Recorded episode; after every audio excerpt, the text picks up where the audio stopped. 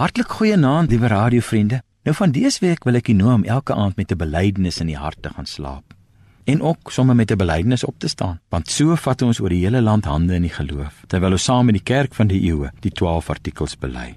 Dit was my mentor Mani Malan wat altyd gesê het: God die Vader het ons gemaak en die Seun het ons gekoop en die Heilige Gees het ons maak glo.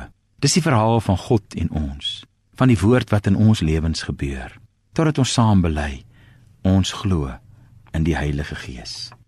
Nou, vriende, kan ek hierdie verhaal van die Heilige Gees vertel? In die begin het God die hemel en die aarde geskape en die Gees van God het kreatief gesweef op die waters. En deur al die eeue van die wêreldgeskiedenis was God alomteenwoordig met sy Gees, sy lewensasem.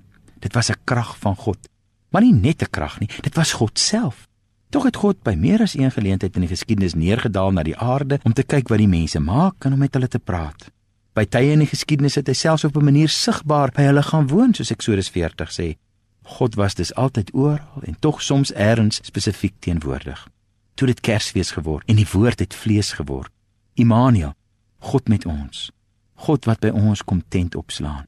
En toe het gebleik dat al die vorige kere wat God die aarde besoek het, voorspel was, voorafskaduwing van die groot koms van God na die aarde.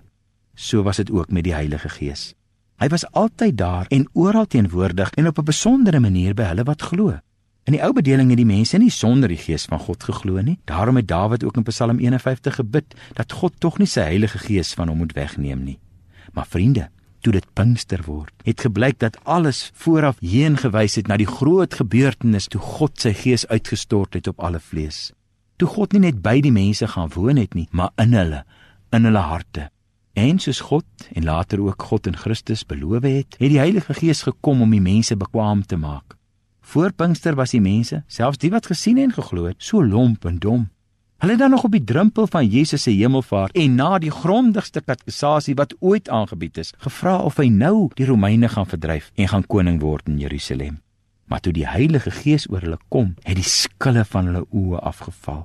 Toe kon die voortvarende Petrus met die herinnering aan sy lafhartige optrede tydens die kruisiging nog vars in sy geheue opstaan en preek, verduidelik en ooreed.